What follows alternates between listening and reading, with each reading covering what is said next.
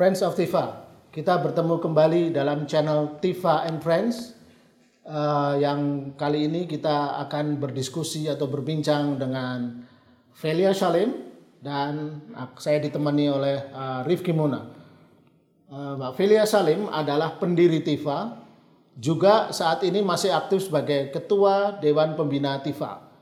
Beliau juga selama 30 tahun terakhir ini adalah seorang yang bekerja di sektor keuangan dan perbankan dan juga aktif de, terlibat dalam pendirian di berbagai lembaga uh, swadaya masyarakat seperti Transparansi Internasional, Kemitraan Indonesia dan sebagainya. Kali ini kita akan kupas mengenai demokrasi dan kesejahteraan ekonomi.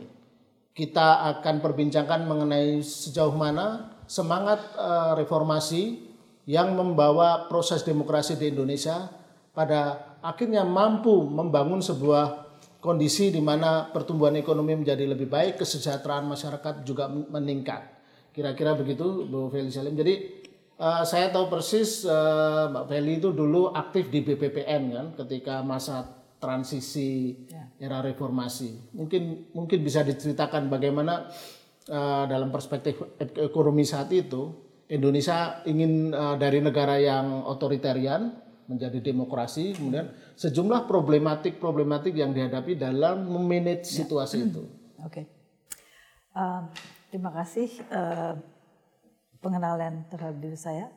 Uh, ketika saya di BPPN mungkin saya tarik sedikit mengenai konteks saat itu ya. Uh, BPPN kan mengurusi uh, perbankan yang sakit akibat kolaps kolaps akibat krisis uh, Asia hmm. ya the Asian crisis. Nah, tapi uh, mengapa terjadi Asian crisis atau mengapa Indonesia demikian terpuruknya? Karena uh, yang terjadi di Indonesia tidak hanya krisis uh, ekonomi, krisis perbankan, tapi juga sekaligus ada perubahan rejim. Krisis politik ya. Ada krisis politik, sosial dan juga tata kelola kenegaraan kan. Hmm. Pada saat itu uh, uh, sudah ada tekanan-tekanan untuk desentralisasi. Jadi uh, kami pada saat itu harus melakukan sebuah proses uh, perubahan dan uh, perbaikan dan stop the bleeding istilahnya ya supaya jangan uh, semakin terpuruk lagi uh, perbankan yang sudah kolaps itu di dalam konteks uh, yang sangat menantang karena bukan hanya krisis ekonomi aja, hmm. tapi juga sosial politik. Sehingga untuk mencapai sebuah proses kesepakatan, nah kita itu belum punya banyak pengalaman dalam uh, apa tata kelola kenegaraan, dalam sosial politik yang sedang di tengah-tengah proses perubahan. Jadi sangat menantang pada saat itu. Um, apa uh, mengurus uh, perbankan nasional. Ya, tentu karena ya. negara selama 32 tahun dikelola ya. secara ya. Uh, tangan besi oleh ya. satu ya. kekuatan Soeharto, keluarga ya, Soeharto betul. waktu itu yang ya. serba hegemonik. Ya. Tentu ibarat ibaratnya ibarat orang Indonesia harus belajar dari nol Bukan Betul. begitu Pak? Betul. Ya saya kira itu menarik sekali karena hmm. tadi Mbak Velia menyampaikan kalau hmm. kita sedang mengalami berbagai macam krisis ya. Krisis istilahnya Jadi, krisis multidimensional. Iya, ada yang mengatakan kristal, krisis ya. total. Ya. ya. Jadi banyak aspek sekali dan ya. tentunya ketika harus memperbaiki dari eh, apa berbagai aspek dan memperkuat hmm. termasuk sektor perbankan yang sedang terpuruk tentu akan sangat eh, sangat menent, apa sangat menentang sekali. Betul. Dan kita bisa tanya lagi ke Mbak Velia bagaimana ya. proses pembenahan untuk penyehatan ya. dari kondisi yang sangat sulit itu. Iya, mungkin bisa ilustrasi yang ya. paling paling kompleks, paling ya. menarik, problematik. Ya. Yang paling problematik adalah waktu itu karena begini, um, pekerjaan BPPN kan itu ada dampak terhadap keuangan negara kan, karena perbankan BUMN maupun perbankan swasta itu kan apa bolongnya besar ya, hmm. makanya harus dilakukan uh, ya istilahnya diambil alih oleh pemerintah kan hmm. uh, dengan uh, apa menempatkan uh, apa issuing bonds ya. Saya tidak mau terlalu teknis, tapi intinya harus hutang lah, hmm. ya. Uh, sehingga proses uh, persetujuan untuk uh, apa membuat hutang kan harus melalui proses di DPR, hmm. di mana uh, pembelajaran untuk hal, hal seperti ini belum ada track hmm. recordnya hmm. Indonesia pada saat itu sehingga ya bisa dibayangkan um, pemerintah saat itu harus mengambil kebijakan-kebijakan yang uh, sebetulnya sangat berat hmm. dan harus disepakati bersama hmm. ya jadi pengalaman dari baik pemerintah maupun parlemen masih belum cukup sehingga uh, yang terpenting adalah uh, cepat ditangani dan bagaimana ada trust antar pemerintah sama DPR ini kan hal yang baru juga. Ya, jadi um, pada saat itu pemerintah mengambil langkah-langkah yang terbaik, hmm. ya, sehingga mengambil kebijakan BLBI misalnya, yang kemudian terus menerus sampai hari jadi ini sampai jadi problem. Tapi itu kan adalah kebijakan yang diambil saat itu. Hmm. Jadi kita harus tahu konteks dan situasi saat itu ya uh, seperti itu. Karena kita masih belum belum memahami tata kelola kenegaraan yang yang ya, dari otoriter hmm. Sekarang ini terbuka. Jadi kayak learning by doing kita saat, pada saat itu. Iya, saya ingat ya? persis karena saya orang media. Ya. Kebetulan ya. waktu itu saya hmm. uh, di Dewan Pers ya. Hmm. Jadi bagaimana kekacauan di dunia hmm. media masa. Betul. betul. Jadi dari selama 32 hmm. tahun jumlah media itu cuma 600 media hmm. cetak dan TV cuma satu TVRI. Ya. Hmm. Tiba-tiba karena kebebasan betul. demokratis hmm Tiba-tiba jumlah media cetak di seluruh Indonesia itu meledak menjadi 15 ribu. Betul. Dari 6, 6, 600 menjadi ribuan. Kemudian TV yang tadinya cuma TVRI, kemudian ada RCTI dan selanjutnya selanjutnya SCTV. Jadi memang saya sangat bisa memahami kekacauan jangankan di dunia ekonomi ya. politik yang rumit ya. Di dunia media, dunia hmm. bisnis saja yang ya. begitu simpel aja juga ya. kacau. Demikian juga uh, uh, banyak sekali LSM-LSM yang berkembang ya. kan. Tiba-tiba muncul LSM Tiba-tiba banyak uh, eh, LSM-LSM uh, eh, apa pun itu bentuknya, tapi kan itu saya kira itu ada banyak mayoritas saya rasa itu benar-benar gerakan murni ya. Uh, yang mana kita kan se sebagai uh, pengorganisasian kelembagaan masih hmm. masih belajar juga learning by doing, tapi itu kan ada dorongan untuk uh, reformasi ya. Hmm. Demand for reform begitu meledak permintaan akan merubah uh, dalam keterbukaan, keterbukaan tata kelola dalam se semua sektor. Ada faktor lain lagi ya. yang sebenarnya tidak banyak terjadi di negara lain dalam proses hmm. transisi demokrasi. Hmm. Karena kalau yang Indonesia ini yang terjadi juga ter, uh, proses reformasi di tingkat bawah, artinya di tingkat ya. daerah. Ya. Kita ada otonomi eh, daerah yang juga diberlakukan. Ya dalam negara yang begitu ya. luas dan besar, ketika otonomi itu mulai dijalankan, tentunya ya. akan menambah kompleksitas dan ya. tentunya memanage ya. eh, kondisi yang frantik itu menjadi tantangan Betul. besar di Indonesia dan mungkin tidak ada negara lain yang mengalami ya. persoalan ya. seperti transisi demokrasinya Indonesia. Ya, salah satu salah satu faktor ada yang teori yang bilang karena demokrasi diterapkan, belajar demokrasi diterapkan hmm. bersamaan dengan desentralisasi. Hmm. Itu kan dua aspek ya. yang uh, berbeda. Tapi uh, oke okay lah. Ya, saya ingin bertanya perbandingan begini. Banyak yang berasumsi begini. Sekarang kita menikmati demokrasi 22 uh, tahun terakhir sampai 25 hmm. tahun terakhir Uh, kalau secara ekonomi Mbak Feli, uh, menurut Mbak Feli, hmm. apakah pertumbuhan ekonomi Indonesia uh, uh, apa indikasi-indikasi makronya membaik, menurun, stagnan? Hmm. Apakah demokrasi dan era otoriter ya. itu secara ekonomi bagaimana sebenarnya? Ya. Uh, apakah, mana lebih favorable? Ya kalau saya boleh jujur, uh, kondisi ekonomi sekarang jauh lebih baik tentunya karena tentunya pelaku pegiat ekonominya lebih banyak uh, dan dan uh, karena rejim uh, lama itu zaman Soeharto dulu mungkin uh, pelaku pelakunya kan uh, terbatas ya uh, dan memang mungkin karena kuenya juga uh, berkembangnya pesat tapi terbatas pelakunya. Kita mesti lihat keberhasilan dilihat dari mana. Pertumbuhan ekonomi era Soeharto sempat disebut macan Asia. Pertumbuhannya ya. lebih dari enam persen kalau nggak ya, salah. Ya. Nah, tapi um, tapi pada saat itu kita mesti lihat penyebarannya, kesenjangannya juga masih. Hmm. Atau uh, gini, uh, seberapa lama sistem itu dapat berlangsung? Kalau semuanya itu state control dari pusat sampai sampai desa. Mungkin pada saat itu um, perubahan dari zaman Soekarno ke Soeharto mungkin ada perlunya ada semacam control by the state. Karena waktu itu yang yang uh, istilahnya kita kekayaan kita masih terbatas. Kekayaan ada di pusat saja. Hmm. sehingga bagaimana uh, menyebarkan uh, apa uh, kuehnya ya. Tapi kan itu nggak bisa berlangsung lama. Hmm. karena nanti ada masalah governance masa konflik of interest itu yang manusia ya. Uh, sehingga sistem yang sentralistik sudah tidak memadai lagi kan pada saat itu.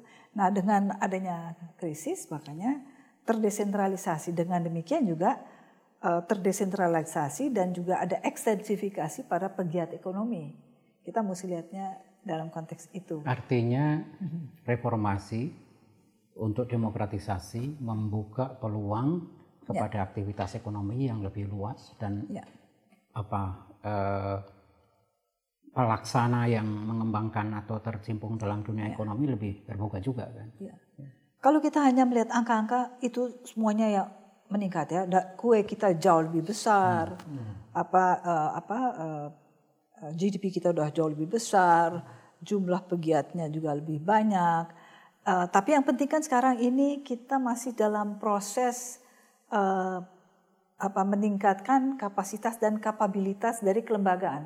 Apakah itu kita bicara pemerintah, hmm. kita bicara dunia usaha maupun uh, apa organisasi-organisasi kemasyarakatan. Tata kelola kelembagaan, institutional capacity kan kita masih struggling ya, hmm. masih ada kesulitan-kesulitan. Nah, ini terrefleksi dari potensi ekonomi yang sebetulnya bisa jauh lebih baik daripada kondisi sekarang. Tapi kalau mau dibandingkan dengan 25 tahun yang lalu, uh, tentunya ini uh, jauh lebih baik karena jauh lebih terdistribusi. Ada insinuasi begini, uh, era demokrasi politik desentralisasi juga membuat hmm. apa uh, korupsi juga mengalami ya. demokratisasi ya. dan desentralisasi. Ya. Dulu pelaku pelaku korupsi di ya. lingkaran kroninya keluarga ya. Soeharto. Ya. Sekarang terjadi demokratisasi korupsi. Ya. Semua ya. Ya, sektor, semua pihak melakukan. Ya. Gimana itu, Mbak? Ya, kalau saya bilang ini ya, inilah kenapa uh, potensi Indonesia tidak tergarap dengan optimal karena masih banyak korupsi. Hmm. Uh, korupsi itu gimana? Karena sistemnya belum berjalan, hmm. sistem check and balance, governance-nya belum jalan. Ya, itu makanya tadi saya ungkap mengenai uh, tata kelola kelembagaan tapi itu namanya tata kelola kelembagaan, sistem, itu kan baru semacam desain sistem kayak gitu. Tapi yang lebih ter, terlebih penting adalah manusianya kan. Jadi mind, mindsetnya, culture-nya, profesionalisme, ya, akuntabilitas, etik, etika, hal-hal semacam itu uh, seolah kita tinggalkan di rumah. Itu yang masih tertinggal. Masih tertinggal. Kenapa itu, Mbak? Nah, karena menurut hemat saya proses demokratisasi kita belum selesai. Ada ada sektor hukum dan peradilan yang menurut hemat saya sangat tertinggal jauh. Saya kira ini poin yang penting sekali. Ya.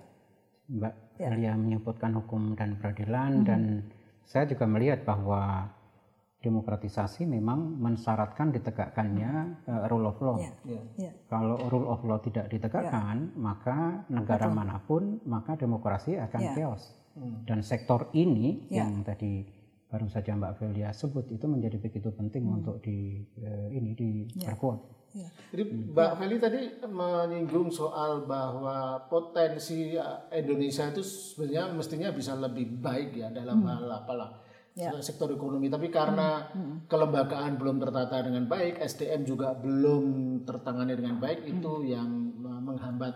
Jadi ya. Indonesia meskipun diasumsikan nanti uh, menjadi kekuatan ekonomi terbesar keempat di dunia hmm. entah di masa depan nanti tapi uh, secara secara faktual apakah ya. Indonesia sebagai negara keempat uh, terbesar hmm. dari populasi ini ya. Sudah up to the ya. job misalnya? Ya, kalau saya ya terus terang saya tuh banyak sekali analis dari internasional, domestik uh, bilang wah Indonesia akan menjadi tempat terbesar dunia dan sebagainya. Menurut saya saya itu membuat orang terlena. So what? Hmm. Buat saya itu yang penting adalah uh, masyarakatnya sejahtera. Hmm. Bahwa dia akan empat terbesar ya karena memang populasinya besar. Hmm. Gitu loh. Tapi kualitas pembangunannya gimana? Hmm. Ya, menurut hemat saya itu lebih lebih uh, bagus.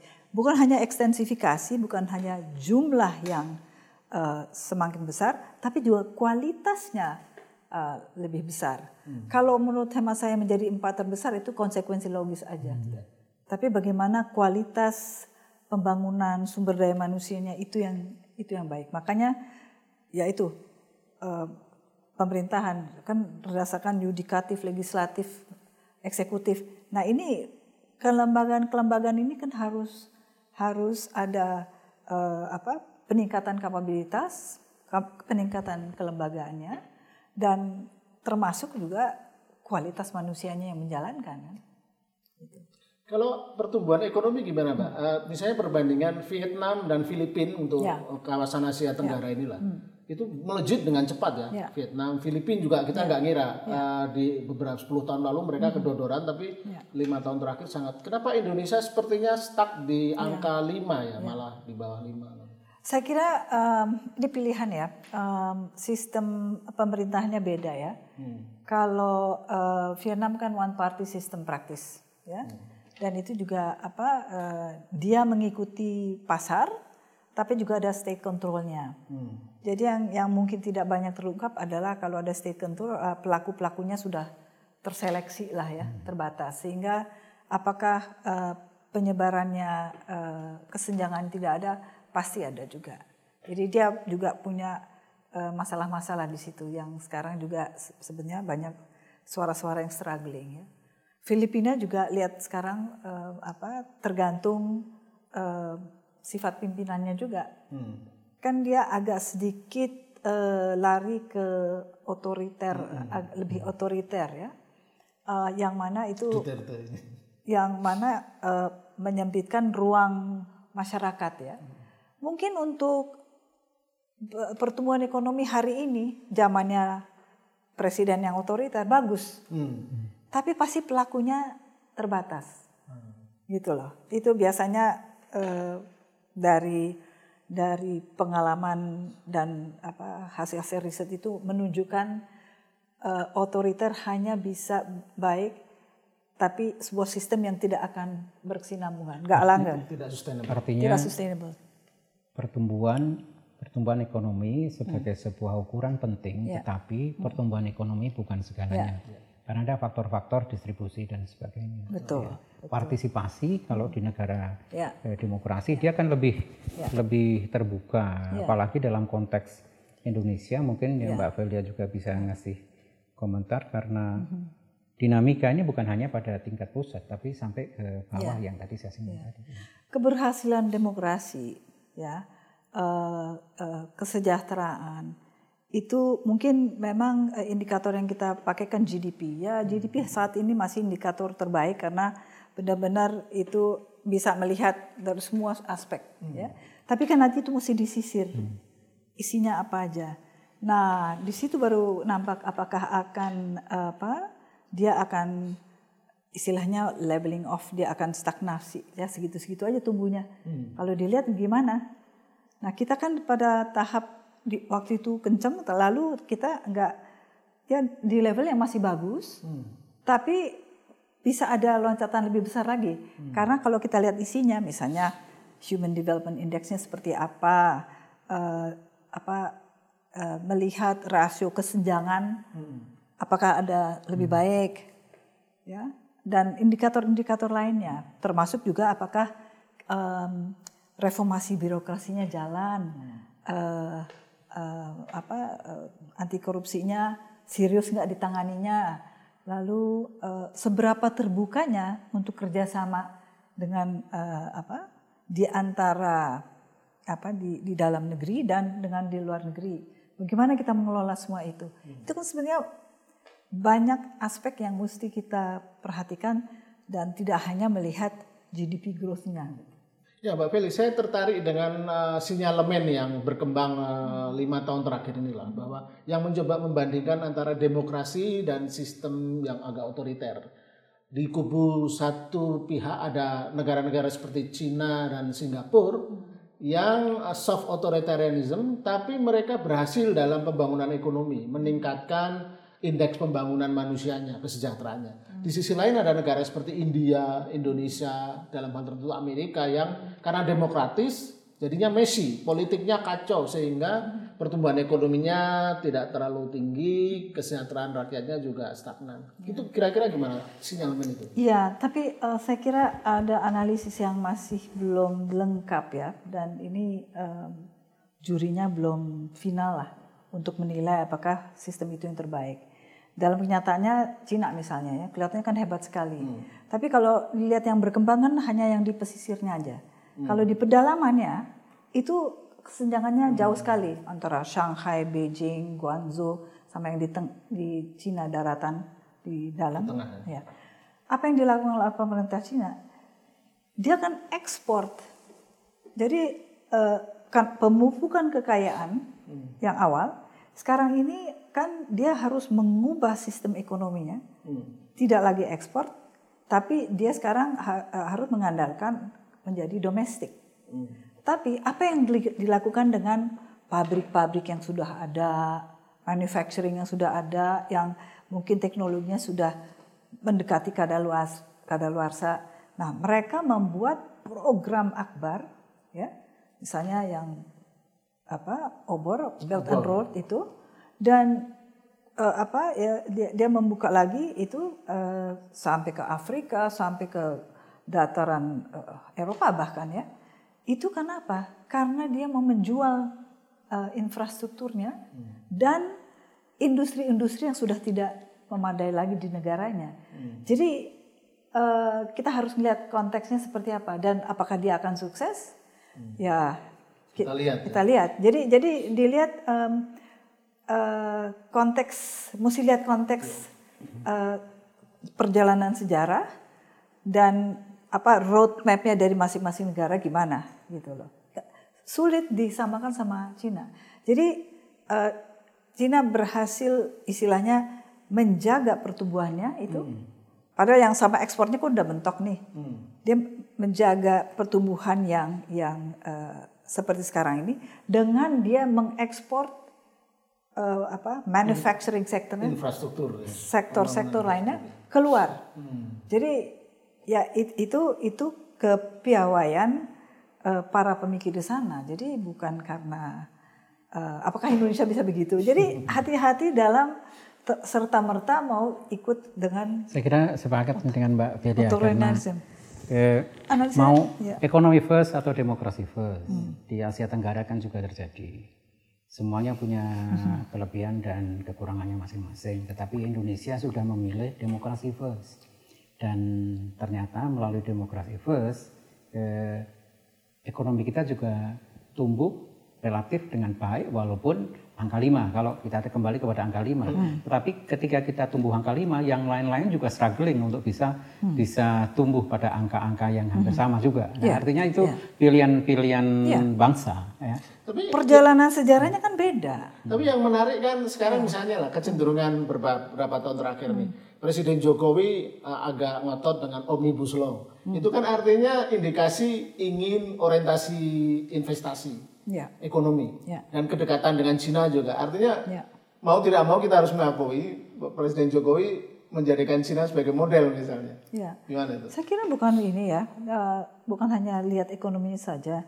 Kedudukan Cina yang praktis tetangga kan, hmm. sosial politiknya juga kita harus geopolitiknya. Nah mungkin hmm. Mas Rifki lebih piawai untuk membahas ini. Jadi nggak hanya ekonominya aja.